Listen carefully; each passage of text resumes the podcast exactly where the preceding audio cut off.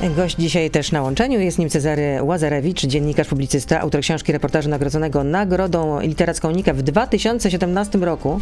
Mam ją zresztą przy sobie.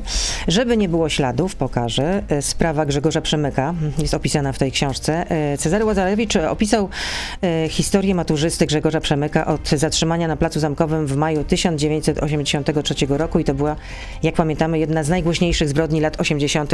w PRL-u. No i na podstawie tej książki powstał scenariusz, na podstawie tego scenariusza powstał film, e, żeby nie było śladów. Nasz kandydat do Oscara. Dzień dobry, witam pana po tym przydługim nieco wstępie, ale chciałam też nakreślić po prostu e, cały też e, no, horyzont dotyczący tego wydarzenia i filmu, i książki, i pana. Dzień dobry. Dzień dobry. Czy nadal jest pan w Gdyni na festiwalu? Słucham, przepraszam jeszcze raz. Witam panią i słuchaczy. I, I słuchaczki. Czy nadal jest pan w Gdyni na festiwalu filmowym? Nie, jestem w Gronowie koło Złocieńca, ale wczoraj jeszcze byłem na festiwalu e, w Gdyni i e, no, wróciłem stamtąd, bo miałem spotkanie w Świdwinie i tak krążę po, po morzu. I jaka jest atmosfera na festiwalu? Czy czuje się takie święto, e, taką radość z tego, że możemy wrócić wreszcie do salki nowych, że już nie musimy oglądać filmów czy też seriali tylko na platformach cyfrowych, ale możemy jednak wyjść z domu, poczuć tę magię, którą się jednak doświadcza trochę tak siedząc w tej przyciemnionej sali kinowej? Powiem pani, że się zorientowałem w trakcie seansu, że ja od dwóch lat nie byłem w kinie, że to jest pierwszy raz i poczułem się, ja się poczułem bardzo dobrze, że możemy oglądać na wielkim ekranie film. Ja obejrzałem dwa filmy. Jeden to e, był Hyacynt, a drugi, żeby nie było śladów. I jakie wrażenia? Bo czytałam, że pan jest pozytywnie zaskoczony. Dlaczego jest pan pozytywnie zaskoczony tym filmem? Ale Hyacyntem, czy żeby nie było śladów? Żeby nie było śladów ale wie pani, to jest chyba złe określenie, że jestem zaskoczony, bo ja od razu wiedziałem, że jestem Przeczytałam pana taką wypowiedź, cytuję. Wie pani, to jest tak. Janka e, Matuszyńskiego poznałem e, reżysera. po reżysera filmu poznałem po e, filmie Ostatnia Rodzina. Byłem na premierze i zastanawiałem się, kto zrobił ten film. Kto mógł zrobić taki dojrzały film, który opisuje głębokie relacje w rodzinie. Siedziałem w tym fotelu jak zamurowany, patrząc w ten ekran przez dwie godziny i nagle zobaczyłem takiego faceta, który miał chyba wtedy 33 czy 34 lata. Teraz ma 37 i przecierałem oczy ze zdziwienia, że ktoś tak młody może zrobić tak dojrzały y, film. A później jak dowiedziałem się, że żeby nie było śladów ma robić Janek, no to byłem w siódmym niebie. Powiedziałem, że to jest y, reżyser perfekcyjny, y, człowiek, który sięga bardzo głęboko i dla niego ten temat jest wyzwaniem. To nie jest jakiś kolejny film. On się z nim mierzył, ponieważ jak ktoś jest z roku 84, to nie może pamiętać tamtych czasów. Dla mnie było niezwykle interesujące, jak człowiek, który nie pamięta tamtych czasów, opisze PRL, który ja czuję, czułem na własnej skórze. I jak to opisał? Opisuje... Proszę? I jak to opisał właśnie reżyser i scenarzysta? Wie pani, ja mam wrażenie, że przez te 2 godziny 40 minut przenoszę się w czasy PRL-u i dotyka on takiego jądra systemu to, co było tam najważniejsze. Ja mam problem, jak swoim dzieciom mam e, opowiedzieć o PRL-u, bo to taki banał, co puste półki sklepowe były, nudny i zakłamany e, program e, telewizyjny, to, że manipulowano nami, kłamano, a on pokazał to wszystko w tym filmie i zrobił coś więcej. Ten film jest zrozumiały mam nadzieję, wszędzie, e, również e, poza Polską. Ja mam taki ulubiony film, który nie jest o PRL-u, ale jest o systemie komunistycznym. Życie na podsłuchu. I Niemiecki pani, film. Tak. Znakomity. E, przeżywałem, oglądałem i ciągle we mnie siedzi. Mam wrażenie, że takim polskim życiem na podsłuchu jest właśnie film Janka Matuszyńskiego, żeby nie było śladu. No, wiadomo, że ten film już był pokazany w Wenecji, dzisiaj wchodzi na ekrany kin y, i wtedy krytycy pisali, że, mm, no, że dopatrzyli się oczywistego podobieństwa tutaj do sprawy George'a Floyda i, i innych ofiar brutalności y, policji. Y, czy pan też to tak odczytuje? E, wie pani, po powrocie z Wenecji e, kontaktowałem się, pani e, Hanna Kral do mnie napisała i pytała się, i panie Czarku, jak tam, jak ten film w Wenecji? Ja się podzieliłem, to było zaraz po powrocie, więc mówię, nie wiem jak on zostanie na świecie przyjęty, w Wenecji był przyjęty dobrze, ale czy ten polski kontekst będzie zrozumiały? I ona mi rozwiała wszelkie wątpliwości. Ona napisała, jak to nie będzie? Przecież to jest prosta sprawa. E, policjanci, milicjanci pobili e, człowieka, a później władza e, próbowała zacierać ślad. Ten kontekst jest zrozumiały, ona pisze, na całym świecie, pod każdą szerokością geograficzną. I mam takie wrażenie, wie pani, siedziałem w tej Wenecji, na balkonie siedzieliśmy i patrzyłem, a tam Jaruzelski, Kiszczak, PRL głęboki, rok 83, Zomowcy. I patrzyłem na to. Oj, straciliśmy łączność. I co teraz? Czy możemy jeszcze w takim razie y, spróbować się połączyć, czy po prostu nie wiem, co teraz zrobić? No chyba w związku z tym. Y, Oddam już e, głos naszym kolegom do studia, natomiast no, spróbujemy się już połączyć z naszym gościem w internecie. Cezary Łazarewicz, przypomnę, jest naszym dzisiejszym gościem, dziennikarz, publicysta. Zapraszam już do internetu, na Radio ZPL, na Facebook i na YouTube. Beata Lubecka, zapraszam. No rozłączyło nas coś, panie redaktorze. Jesteśmy już w internecie, od razu pana uprzedzam i przypominam, że naszym gościem, przypomnę to naszym słuchaczom i słuchaczkom, jest Cezary e, Łazarewicz. E, e, proszę wrócić do tego, że e, dla pana, rozumiem, że pana myśl była taka, że. O, znowu straciliśmy łączność. No, komunikatory jednak są, komunikatory elektroniczne bywają zawodne, niestety tak to bywa.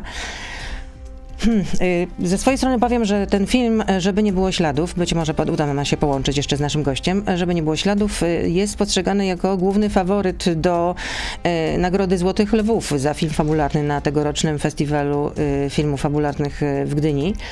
No i zobaczymy, czy tak rzeczywiście e, będzie. E, też tutaj dodam troszeczkę taką łyżkę dziegciu, ponieważ e, wśród tych recenzji, które padały po projekcji w Wenecji, bo to była światowa premiera tego filmu, no jeden z krytyków napisał, że jako złożony dramat polityczny, trwający 160 minut, o czym wspomniał nasz dzisiejszy gość, że to jest 2,40, czyli jak na dzisiejsze standardy to dużo, że jest to film wypełniony zniechęcającą ilością szczegółów, kilkoma zwrotami akcji i dużą liczbą bohaterów, co czyni go nie lada wyzwaniem wyzwaniem dla widzów. Czy pan by się zgodził z taką? No tutaj jednak, tak jak mówię, no jest to pewna łyżka dziegciu. Czy pan by się zgodził z taką recenzją? Mm, tak, to znaczy nie. To znaczy, y, ja bym powiedział tak, to nie jest y, y, film Powrót Mecha Godzilli ani Indiana Jones, gdzie można wejść do kina i wyjść i zapomnieć. Po pierwsze, to jest film albo, trudny. Albo, albo się zrelaksować. No tak, człowiek wychodzi e, z kina zapłakany. Wczoraj właśnie e, Janek pytał na tym spotkaniu, a w zasadzie mówił o tym, że go interesuje, jaka będzie reakcja licealistów, a nie tych ludzi, którzy pamiętają stan wojenny, bo im zawsze łezka leci y, z oka na tym filmie. I wczoraj na spotkaniu była taka licealistka, ale zresztą kilka osób o tym mówiło, że te albo łzy tłumili, albo y, y, płakali na tym filmie. I reżyser mówi o tym, że dla niego to jest taka medytacja, głębokie sięgnięcie do tematu i stara się, żeby ci ludzie przeżyli to wszystko. I ja mam takie wrażenie, wie pani, tam są długie sceny. Jak ja się dowiedziałem, że ten film ma 2,40, to pomyślałem sobie, nie, to on jest bardzo długi, e, za długi. E, I na takim pierwszym pokazie e, producent pytał, jeśli możesz pokazać jakąś scenę, która jest tam niepotrzebna, to wskaż nam, a my ją wyrzucimy. I wie pani, ja siedziałem tam 2,40 i nie znalazłem takiej e, e, sceny, którą można by było e, wyrzucić. Reżyser mówi o tym tak, że on znalazł 15 sekund, które w ostatecznej wersji wyrzuci. I to jest wszystko, co on zrobił. I wydaje mi się, że nie można tam wyrzucić 15 minut 30 minut, to ten film straciłby swoją wagę. Jak się zastanawiałem, ja porównywałem kilka filmów, które są na festiwalu pokazywane. I wie pani, to jest Waga ciężka to jest film, który dotyka naszej historii, opowiada bolesną historię i porusza widzów. Ja się na robieniu filmów nie znam, bo robię je tylko na komórce, ale jak wychodzę z kina i patrzę na ludzi, którzy opowiadają, że to było wielkie przeżycie, młodych i starych, ludzi, którzy znają tą historię i nie znają, to mam wrażenie, że y, to jest bardzo dobry film. Jeśli krytycy narzekają, no to y, nie wiem. No, no krytycy ja zazwyczaj narzekają. Nie, ja widziałem publiczność w Wenecji, która stała, siedziała jak zahipnotyzowana przez ten czas, czytała napisy w języku włoskim i angielskim, e, a po zakończeniu filmu wstała i przez 10 minut biła brawa e, tej całej ekipie, która ten film wyprodukowała i zrobiła. I to było poruszające i kamień wtedy spadł mi z serca. Zrozumiałem, że tak, to jest zrozumiałe. Może nie dla takiego popularnego y, widza, który chodzi na e, filmy przygodowe y, w Ameryce, w Anglii czy we Francji, ale dla człowieka myślącego, który chce poznać, y, jak funkcjonował system w Polsce, to naprawdę jest ważny film. Żeby już zakończyć ten wątek y, i festiwalu, i filmu, y, bo rozumiem, że pana przesłanie jest takie, że zachęca pan, y, abstrahując od tego, że jest pan autorem tej książki, no jest pan, zachęca pan do tego, żeby ten film zdecydowanie zobaczyć. Mm, a wracając do festiwalu, czy będzie pan na uroczystości wręczenia nagród? No bo ten film jest typowany właśnie na faworyta, jeśli chodzi o złote, o złote lwy tegoroczne.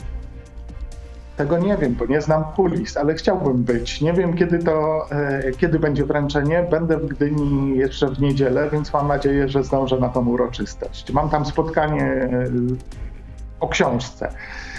E, wie pani. Będę trochę złośliwa. Ja tam jeździ pan na swój koszt, czy jednak na koszt organizatorów? To taki przytyczek do Wenecji. Pani, chciałbym zakończyć tą całą e, dyskusję o tym e, dywanie. E, miałem wrażenie, że najtrudniejsze to jest najbardziej bolesne dla reżysera, bo zamiast mówić o jego filmie, wtedy zaczęła się dyskusja o dywanie. Ale teraz tak, jesteśmy... że pana nie było na zdjęciu, nie było pana na czerwonym dywanie i że jeszcze pan przyjechał w dodatku, okazuje się, przyleciał do, do, do Wenecji z żoną na własny koszt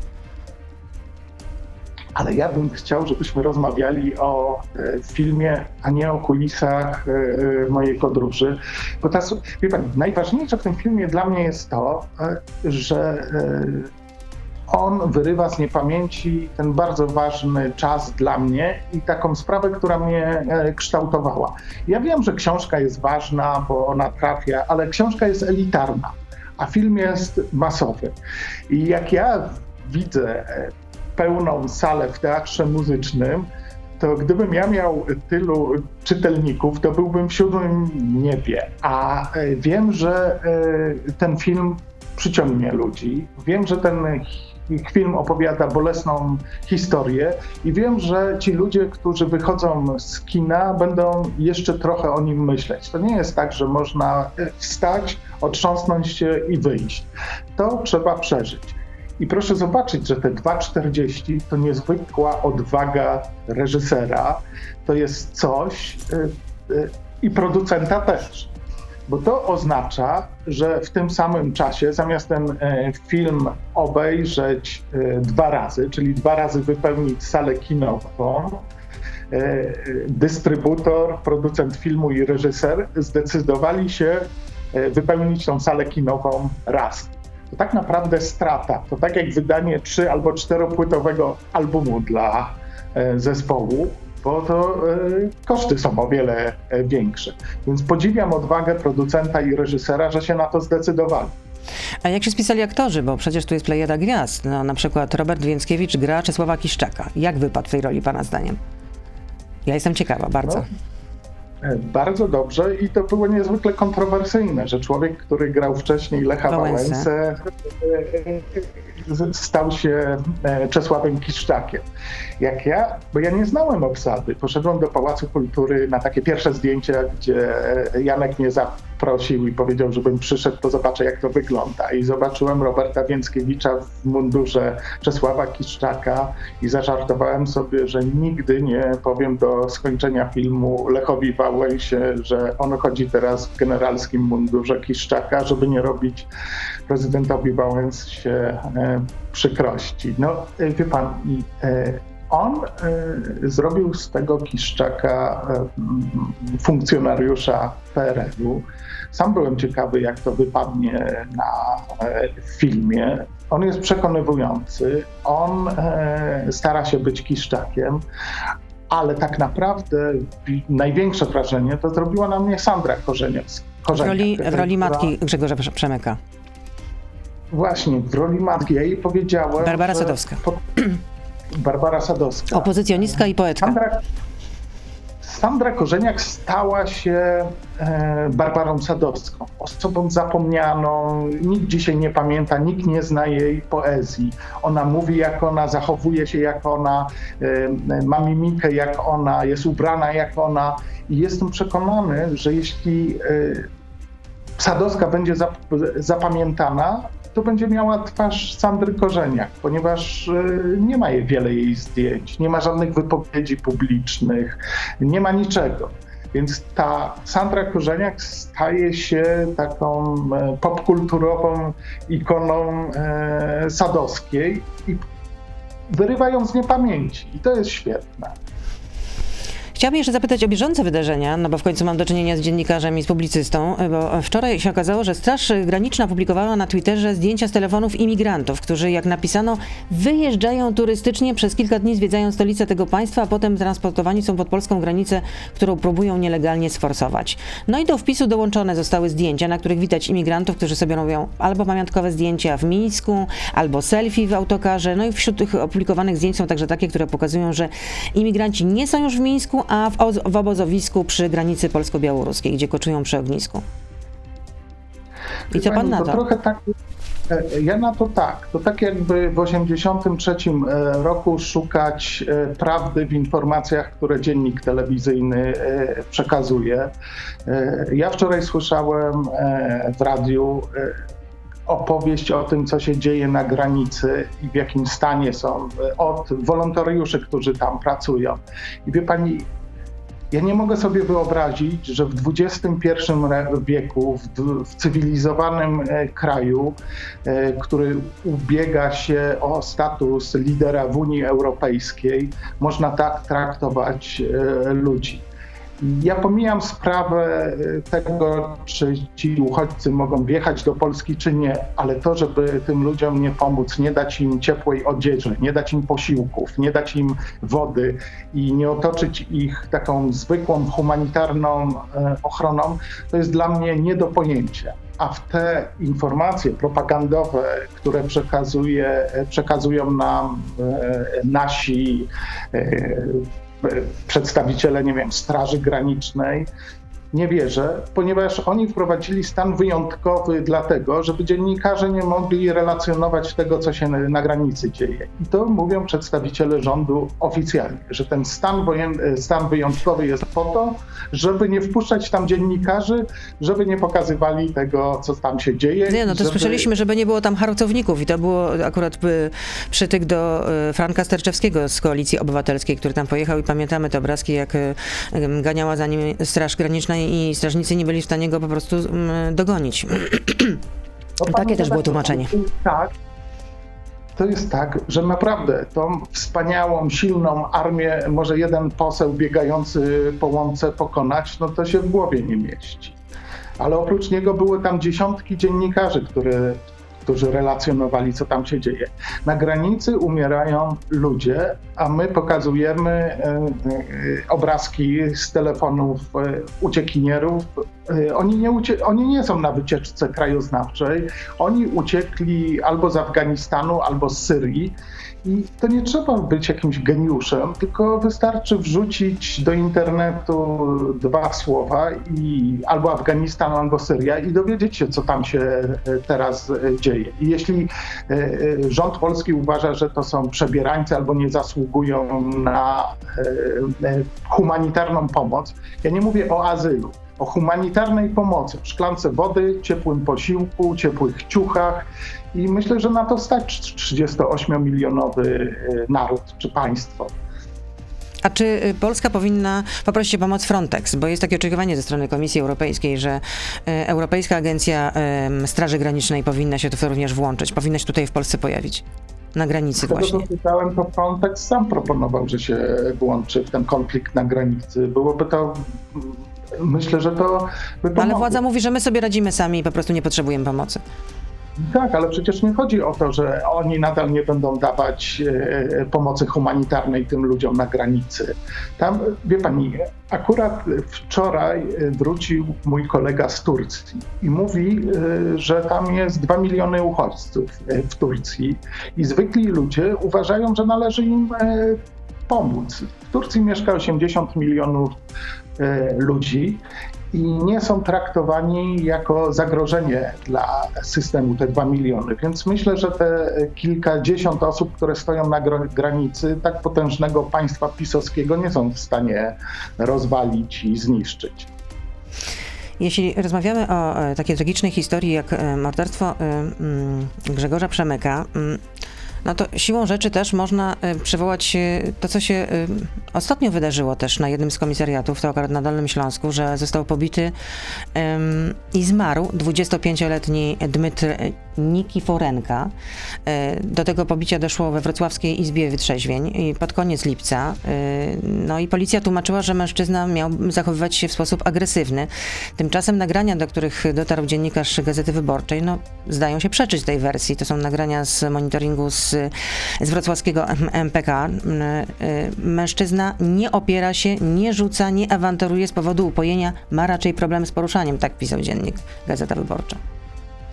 E, to jest pewien standard, że ci, którzy umierają na komisariatach, to są albo narkomani, albo pijacy, albo mędy społeczne. E, to jest standard obowiązujący na całym świecie. Albo są agresywni, i, albo wszystko naraz.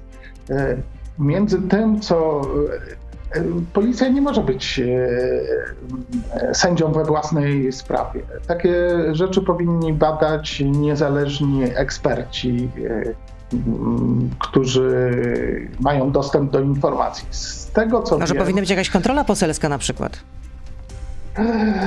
Ale do kontroli poselskiej to jeszcze e, trzeba, żeby policja była otwarta i takie rzeczy. Bo trzeba jeszcze, po, do, trzeba jeszcze dodać, e, bo to jest ważne, że, że kamery policjantów podczas interwencji były wyłączone i nie wiadomo, co się działo z tym aresztowanym mężczyzną przez ponad godzinę. Ja mam e, taką pewność, że policja nie jest w stanie tego wyjaśnić. I to nie pierwszy przypadek na Dolnym Śląsku, gdzie do takich e, wypadków dochodzi. I że tam powinna e, pojawić się, nie wiem, nie wiem kto, wie pani, bo jak pomyślę sobie, że miałaby się tam pisowska e, e prokuratura e, pro, e, ministra Ziobry pojawić, to ja nie wierzę temu upolitycznionemu organowi. Tam powinien jakiś niezależny organ badać tą sprawę. Ale niezależny, czyli jaki? nie wiem, może komisja sejmowa złożona. No, Rzecznik Praw Obywatelskich powinien może też generalnie poprosić o weźmie. Może już poprosił, może ja po prostu coś przeoczyłam.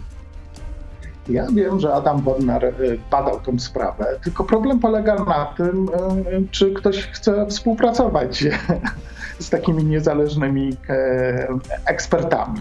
To Ale dlaczego dochodzi w ogóle do takich sytuacji?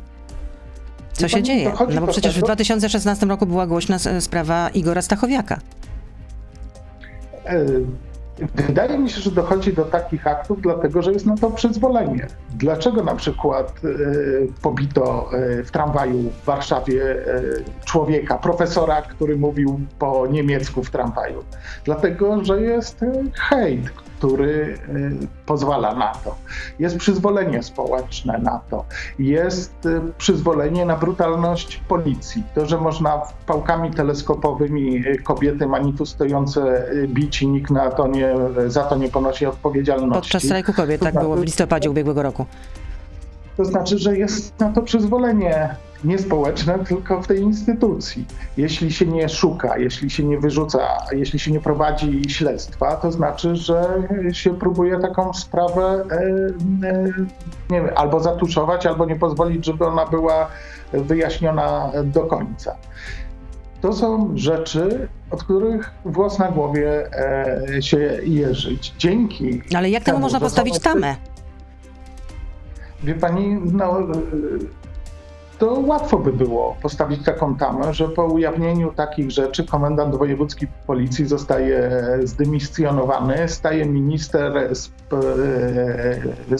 minister spraw wewnętrznych i mówi nie pozwalamy na to i dopóki ta sprawa nie zostanie wyjaśniona, komendant będzie zawieszony albo już mamy takie informacje, że zostaje zwolniony. Stawiamy przed sądem e, funkcjonariuszy, którzy brali udział, przynajmniej prowadzimy postępowanie, zostają zawieszeni e, e, e, i toczy się normalna sprawa.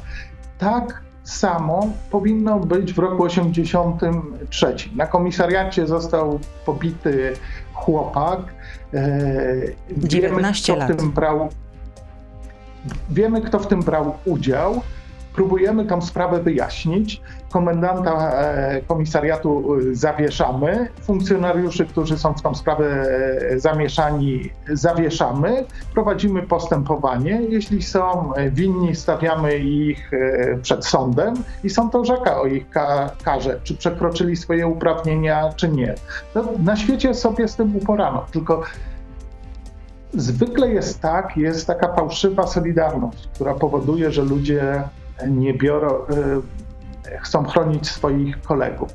Wie pani, to, to, nie był pierwszy taki przypadek. Ja pamiętam pierwszy taki przypadek, który opisywałem i to były lata 90. Y, to było pobicie Przemka Czai w Słupsku. Y, to był chłopiec, który miał 13 lat, a wyglądał na 10. I milicjant uderzył go taką 75 pałą tak, że on zmarł. On przechodził przez jezdnię. Ponoć go uderzył dlatego, że on przechodził na czerwonych światłach, a tak naprawdę uderzył go dlatego, że on był najsłabszy. Chłopiec zmarł i pamiętam tą sytuację, która była straszna, bo były zamieszki wtedy w Słupsku. Nie wiadomo, jak to się skończy, ale zamieszki wybuchły dlatego, że policja próbowała tą sprawę e, w różny sposób tłumaczyć, e, że ten chłopak był agresywny, że ten policjant nie uderzył i ludzie się zbuntowali. Dzisiaj mam wrażenie, że jesteśmy trochę bierni na takie przypadki łamania praworządności. Ale kto? My, obywatele, jesteśmy bierni? Tak. Tak, bo wie pani, jak w latach 90. E, ludzie w Słupsku dowiedzieli się, że ten chłopak nie żyje i pobił go e, e, policjant, to pod tym szpitalem, gdzie się odbywała e, sekcja, czy gdzie on umierał, czy zmarł, przyszło, nie wiem, tysiąc czy dwa tysiące ludzi ze Słupska. Wyobraża pani sobie coś takiego teraz w małej miejscowości? Wszyscy jesteśmy zajęci czymś innym, a tu fundamenty naszego życia się rozwalają. Dzisiaj zadajemy sobie pytanie, czy my będziemy w Unii, czy y, prokurator, który prowadzi naszą sprawę, y, jest rzetelny, czy sędzia, który y, wydaje wyrok, to jest sędzia pisowski czy nie pisowski. Fundamenty naszego państwa się rozwalają. No, nie jest to dobra puenta, którą pan tutaj zaserwował. Są jeszcze pytania od y, słuchaczy.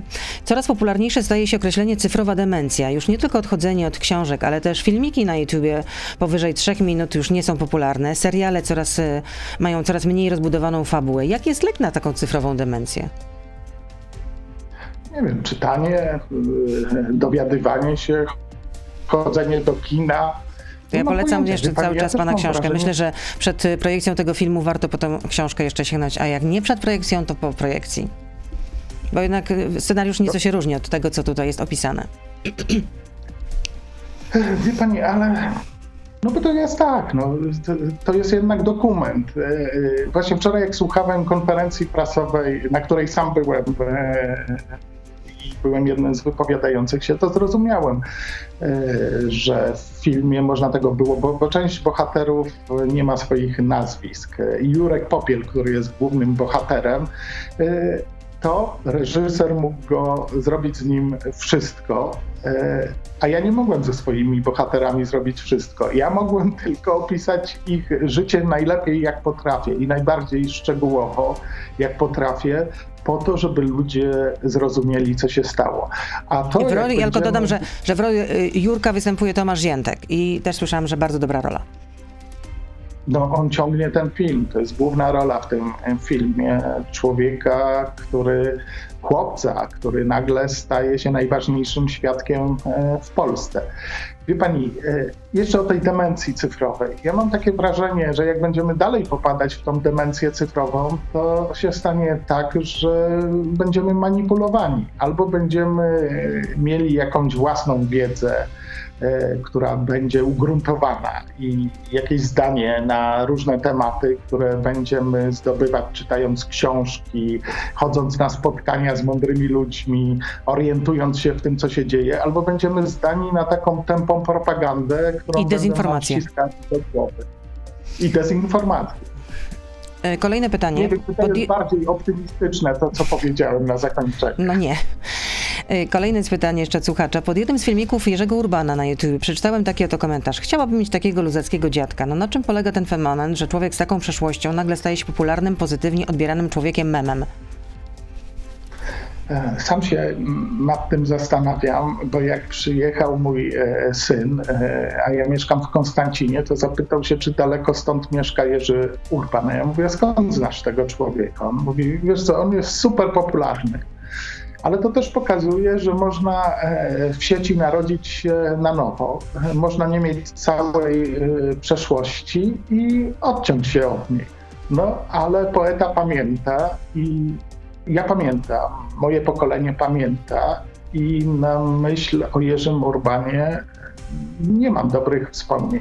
A jednak, wie pani, to była jedna z osób, jedna z niewielu osób, która po przeczytaniu tej książki uderzyła się w piersi. Mówię to z drugiej, osób z drugiej strony, która e, on mógł spokojnie, cynicznie się od tego odciąć, a jednak e, jakieś poczucie winy i e, poczucie tego, że w tym 83 i 4 roku nie zachował się tak, jak powinien, postało on, mam wrażenie, on sterował tym procesem propagandy. I to jest dla mnie bolesne, że Jerzy Urban, ja czytałem jego reportaże z lat 70., e, nie na żywo, ja po prostu teraz je czytałem. Dla mnie Jerzy Urban był zawsze rzecznikiem e, stanu wojennego i człowiekiem, który bronił generała Jaruzelskiego za wszelką cenę. I teraz poznałem nowe oblicze jego, teraz, ileś lat temu że to był świetny publicysta, e, świetny dziennikarz, człowiek, który piórem władał bardzo inteligentny najlepiej człowiek. E, w Polsce. I strasznie mi przykro, że tą całą inteligencję, to wszystko, co zbudował sobie w latach 50., po prostu 60., 70., taką całą niezależność, e, no, sprzedał generałowi Jaruzerskiemu i propagandzie, którą on uprawiał. I według mnie, ja wiem, że Urban ma całe grono swoich wyznawców, e, ale to jest mi strasznie przykro. To byłaby, e, gdyby nie ten alians z reżimem, to byłby pewnie jeden z ludzi, który by się z złotymi zgłoskami w historii Polski, polskiego dziennikarstwa zapisał. A dzisiaj jest Y, propagandystą stanu wojennego. Tak, ja go pamiętam, tak pamięta go moje pokolenie. I mnie ciągle jest trudno wznieść się ponad tą urazę ze stanu wojennego i te wszystkie kłamstwa i manipulacje, w których on brał udział. Moim zdaniem to odebrało mu całą wiarygodność również dzisiaj. I ostatnie pytanie od Michała tym razem. A może Janusz Korwin-Mikke ma rację mówiąc, że o układzie POPIS i innych partii w sprawie wymieniania się władzą, to w związku z niedawną wspólną imprezą? Nie no. e, Janusz Korwin-Mikke jest postacią, mam wrażenie, groteskową, że on gra jakąś własną rolę, swój kabaret e, w różnych partiach, które tworzy. Jeszcze na początku lat 90. można było, mo- mogło się wydawać, że to jest postać poważna, ale dzisiaj jak wchodzi w majtkach do supermarketu, to też mu odbiera godność mędrca e, e, i rozstrzygania sporów. E, I nie zapominajmy, że Janusz Korwin-Mikke to ten człowiek, który e, patrzy na Moskwę i Rosję Putina jako wzór, który można by było w Polsce e, zastosować i te miłosne wyznania do Putina wysyła dość regularnie. Mam wrażenie, że on jednak tego sporu politycznego nie powinien rozstrzygać. I trochę, e, bo rozumiem, że mówimy o tej wspólnej imprezie. Tak, o która- wspólnym interesowaniu po- polityków no, różnych opcji.